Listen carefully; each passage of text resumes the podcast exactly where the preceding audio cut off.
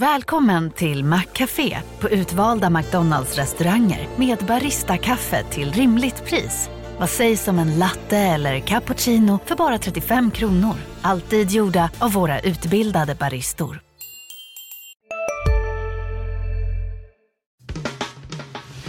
Analyspodden från Dagens Industri.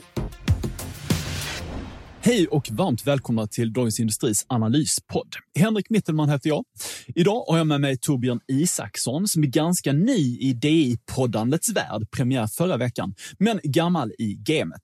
På dagens agenda lite om börsklimatet, fastigheter, SAS. Vi har med oss ett aktiecase och om stagflation som vi säger nej tack till.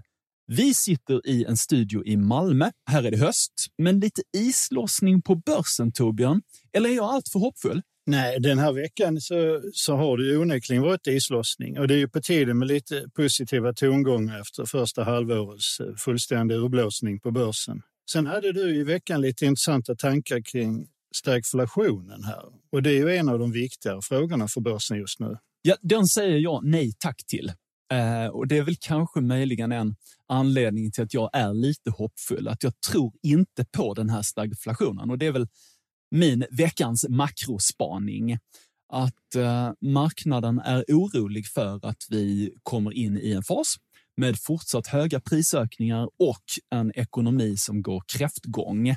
Det tror jag inte alls på, utan om det är så att vi är på väg mot någon form av global lågkonjunktur så kommer priser att falla. Företagen kommer att rea ut sina varor. Vi är tillbaka i en fungerande marknadsekonomi när leveransproblemen försvinner och det kommer de ju göra. Sen ifall Kina öppnar upp imorgon eller om en vecka eller två eller tre eller en månad eller två, vem vet? Men jag tror att vi liksom, den typen av produktions och leveransproblem kommer att försvinna och då kommer vi också få se liksom en mer normalt fungerande marknadsekonomi där priserna faller om efterfrågan viker.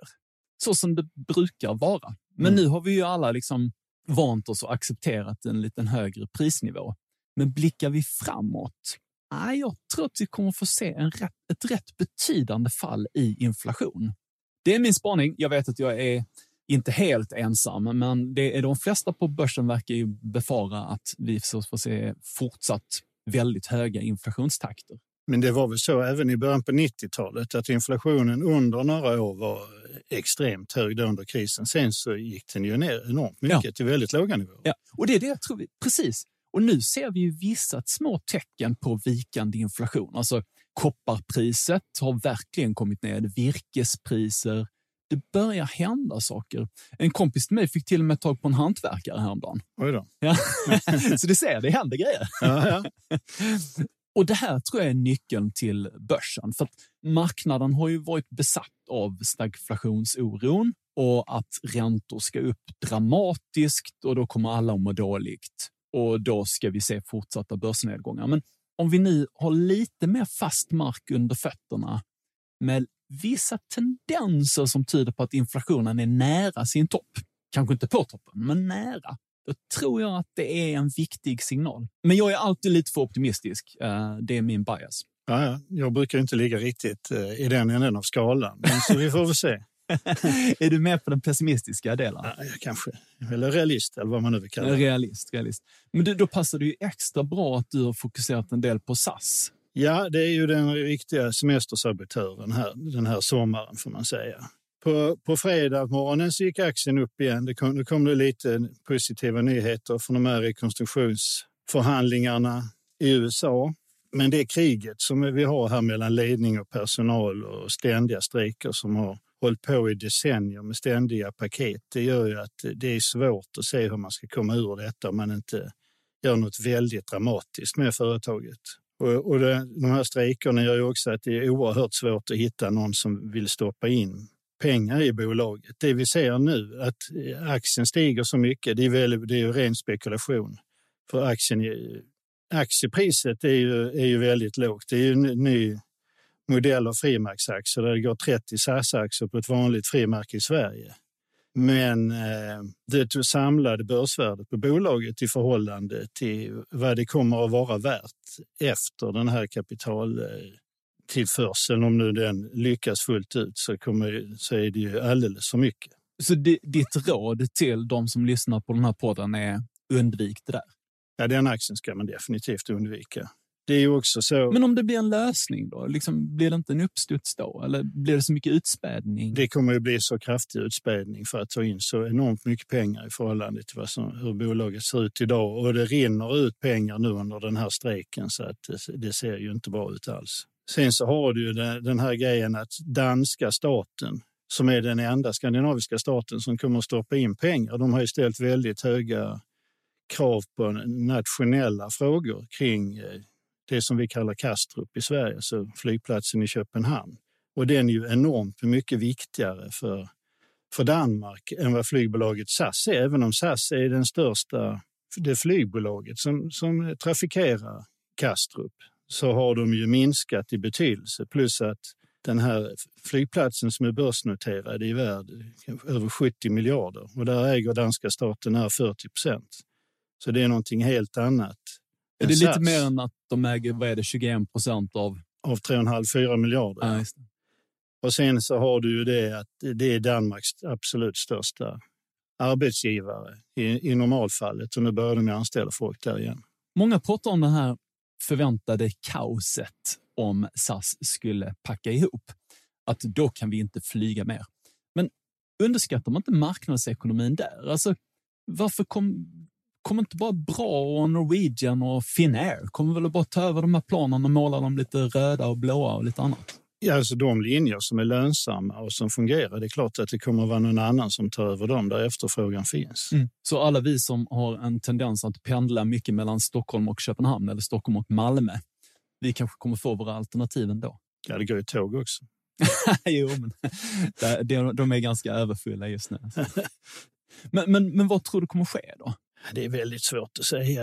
Det är väldigt osäkert just nu med, med den här strejken. Det är klart att rimligen kommer de att ta sig ur rekonstruktionen, men vad kan man finnas kvar av bolaget? De, de skär ju ner och skär ner och det blir mindre och mindre och hur pass drastiska grepp kommer de till slut att göra? Det som var ett gigantiskt resekonglomerat, det blir ju mer och mer avskalat. Ja, men undrar vem som ska våga stoppa in pengar. Alltså nu är det ju småsparare som är lite spekulativt istället ja. för trisslotten på fredagen köper SAS-aktien och blir rikligt belönad. Jag ser att den är upp 13 procent nu eh, när vi spelar in detta klockan halv elva på fredagen. Men eh, det är, verkar ju knappast vara någon långsiktig, långsiktigt case. Nej, det är ju, det är ju ren spekulation, ja. de som är inne nu. Det handlar ju inte om folk som vill delta i en nyemission, de flesta av dem. Nu närmar vi oss rapportfloden och det kommer att bli väldigt spännande. Eh, osäkra makroutsikter samtidigt som förväntningarna väl har ställts ned en del. Fastigheterna, vi har redan fått några stycken under veckan. Några rapporter. Ja, fastigheterna var ju tidigt ut eh, den här veckan. Först så kommer Fastpartner redan ett par dagar in. Det man kan säga är ju att eh, vilket man egentligen kunde vänta sig. Att det är stabila resultat, det är positiva värdeförändringar. Artium Ljungberg kom med enormt stor värdeökning till exempel här på fredag morgonen i sitt bestånd. Så att än så länge syns inte många spår i räkenskaperna av den kris som drabbat aktierna. Sen så kommer ju nog nästa kvartal att se rätt annorlunda ut. För det är ju ingen idag som vill sälja fastigheter och visa att eh, priserna har gått ner. Framförallt inte en sån som SBB som är väldigt mycket ute på säljsidan. De säljer ju det som, som ligger i linje med värderingarna. Men man kan ju se här vad FABGs vd Stefan Dahlbo till exempel, han skriver i den eh, delårsrapport som kom här på fredag morgonen att marknaden under första halvåret kan beskrivas som en version av Dr Jekyll och Mr Hyde. På ena sidan har vi positiv nettouthyrning, stabila eller ökande hyresnivåer och en stark transaktionsmarknad. På den andra sidan har vi stigande räntor, inflation, fallande aktiekurs, krig i Ukraina och en allmänt stor geopolitisk osäkerhet. För det som syns nu, ja det ser ju bra ut och Sven-Olof Johansson var ute i en intervju här i Svenska Dagbladet i mm. veckan och han var ju ganska positiv. Men sen, det, börsen ligger ju hela tiden kanske ett halvår före. Så att det kommer ju att märkas i, i delårsrapporterna för resten av året. Men jag antar att när man tänker på Stefan Dahlbo och Fabege så det är ju primärt kontor och kontor mm. är ju ofta med avtal som är KPI-justerade, så man justerar upp hyrorna efter inflationen. Just det. De kommer väl att klara detta så länge kunderna klarar det. Fabege har ju bra finanser och, och, ett stabilt bolag, men de har ju också gått ner väldigt mycket. Ja.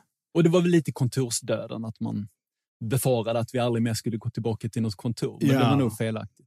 Det var det ju, men sen är det ju nästan alla fastighetsaktier har ju sjunkit enormt mycket. Det, det kan man ju se här. Diös var ju också ute i veckan, där vd. Han var ju väldigt missnöjd med det här att eh, alla bolag har gått ner 40-50 procent snart, förutom de som gått ner 75. Mm. Och tycker att nu är det väl dags för, för marknaden att börja sålla agnarna från vetet. Det är ju till exempel Diös som ligger i norra Sverige. Det är en helt annan marknad i norra Sverige än, än vad det är på många andra ställen i Sverige. Så att det, där går det ju mycket bättre.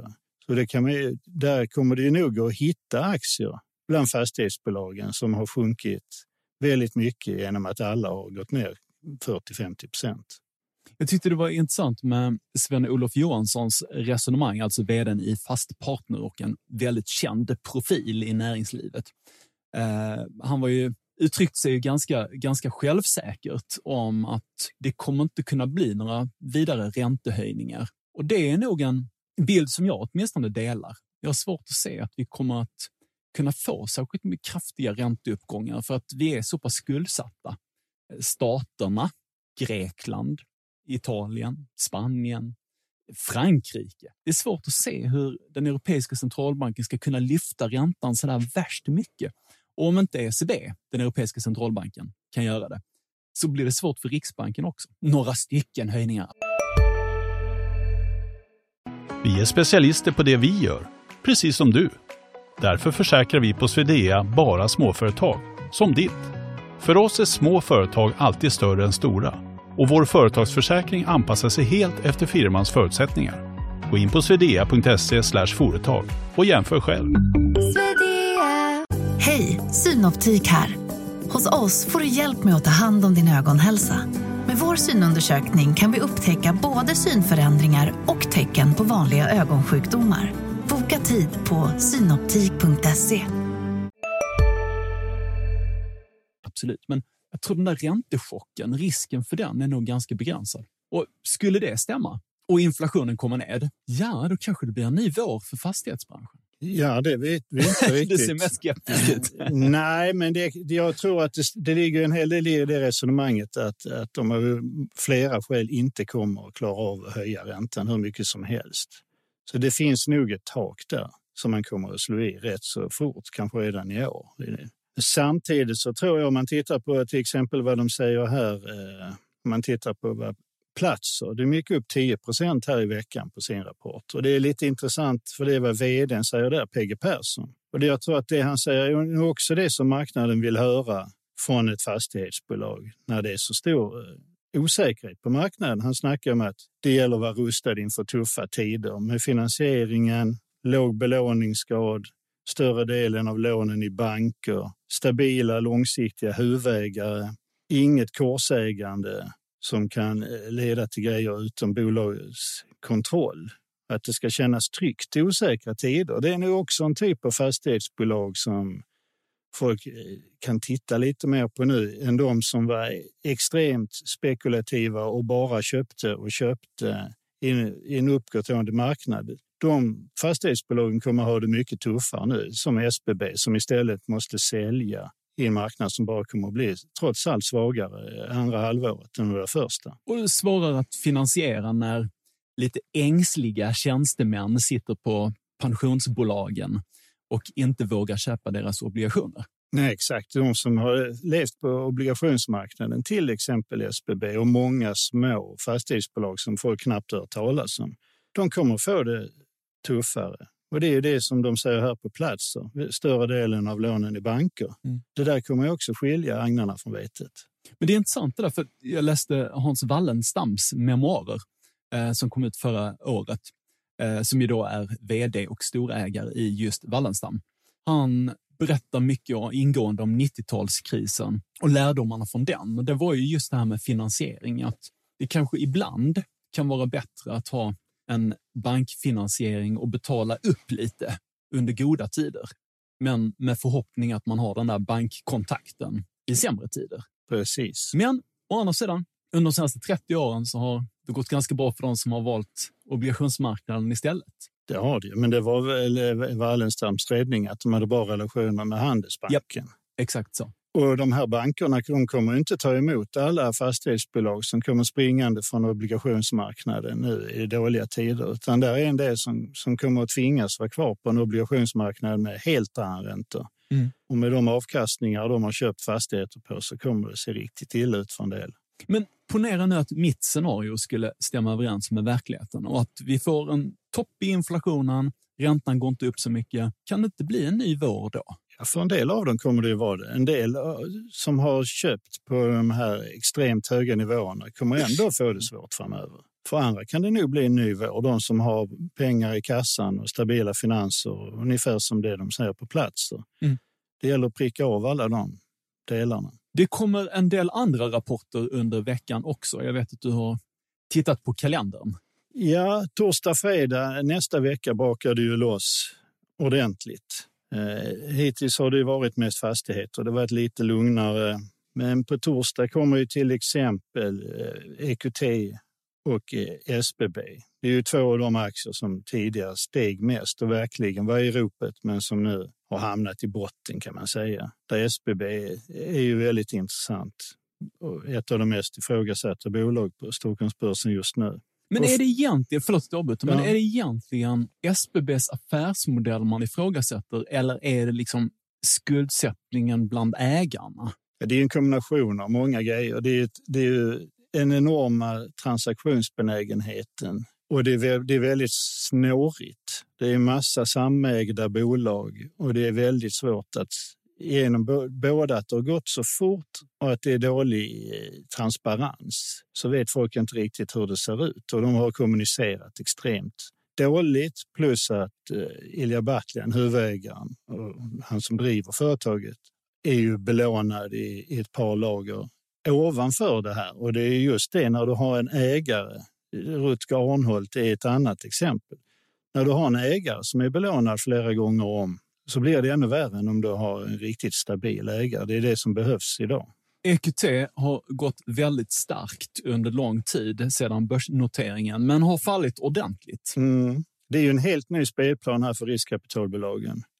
Det är ju massa onoterade innehav som måste skrivas ner i värde. Det kan man ju se för att även om de tycker att det händer ingenting på den onoterade marknaden. Det säger sig självt att det gör det. Om den noterade marknaden går ner så kraftigt så är det klart att den onoterade går ner. Och det ser man i de bolag, typ Klarna, som behöver ta in pengar. Och de måste ju skruva ner värderingarna hela tiden.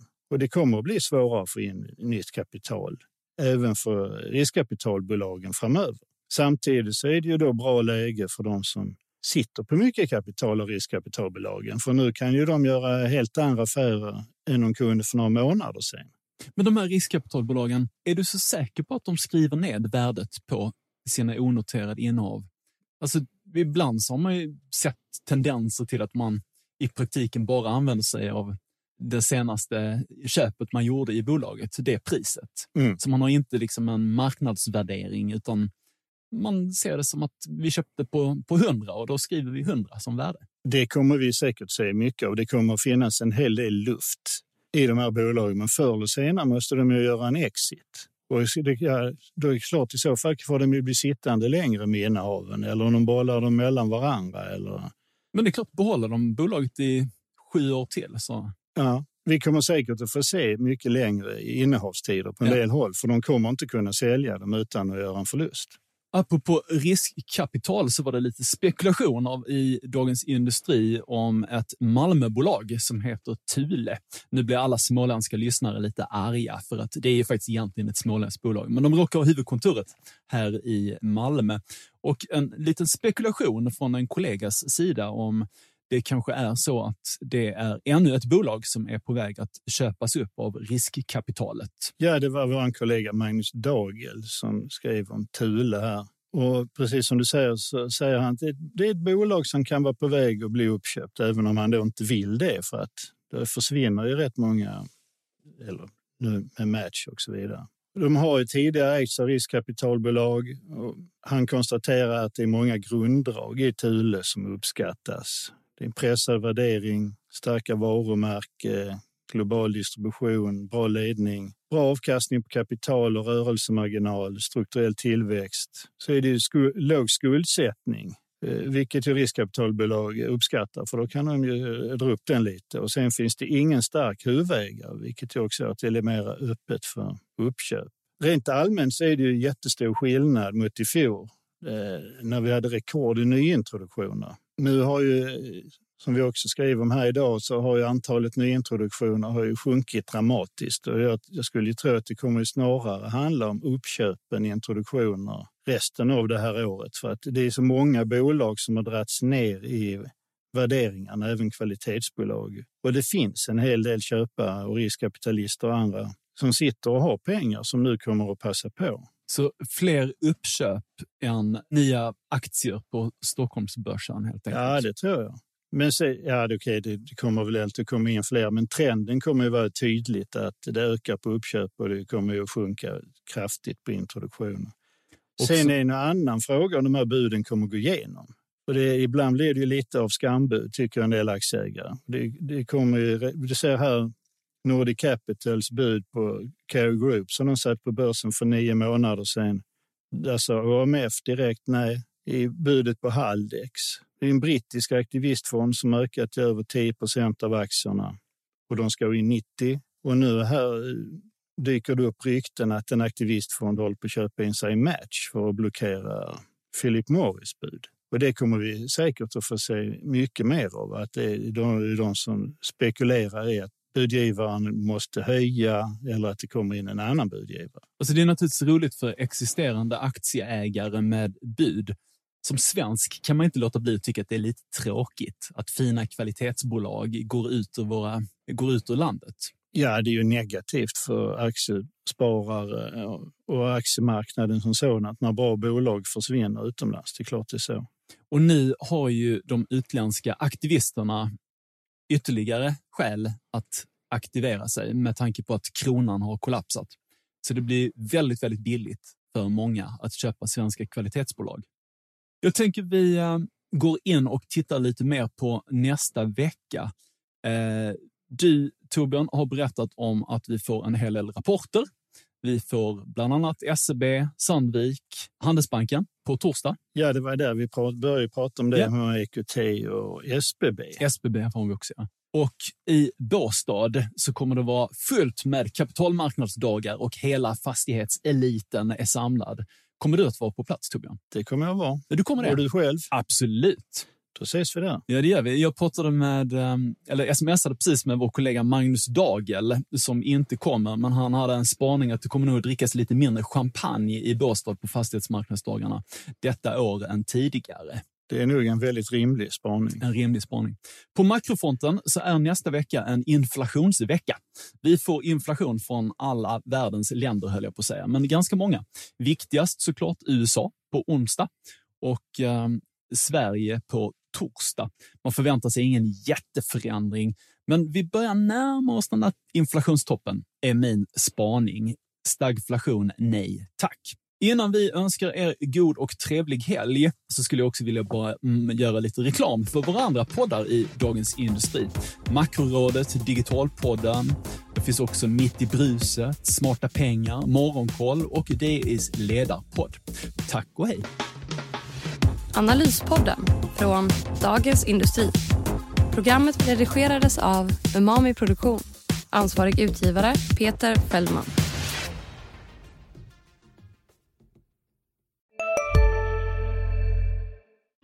Hej, Susanne Axel här. När du gör som jag och listar dig på en av Krys vårdcentraler får du en fast läkarkontakt som kan din sjukdomshistoria.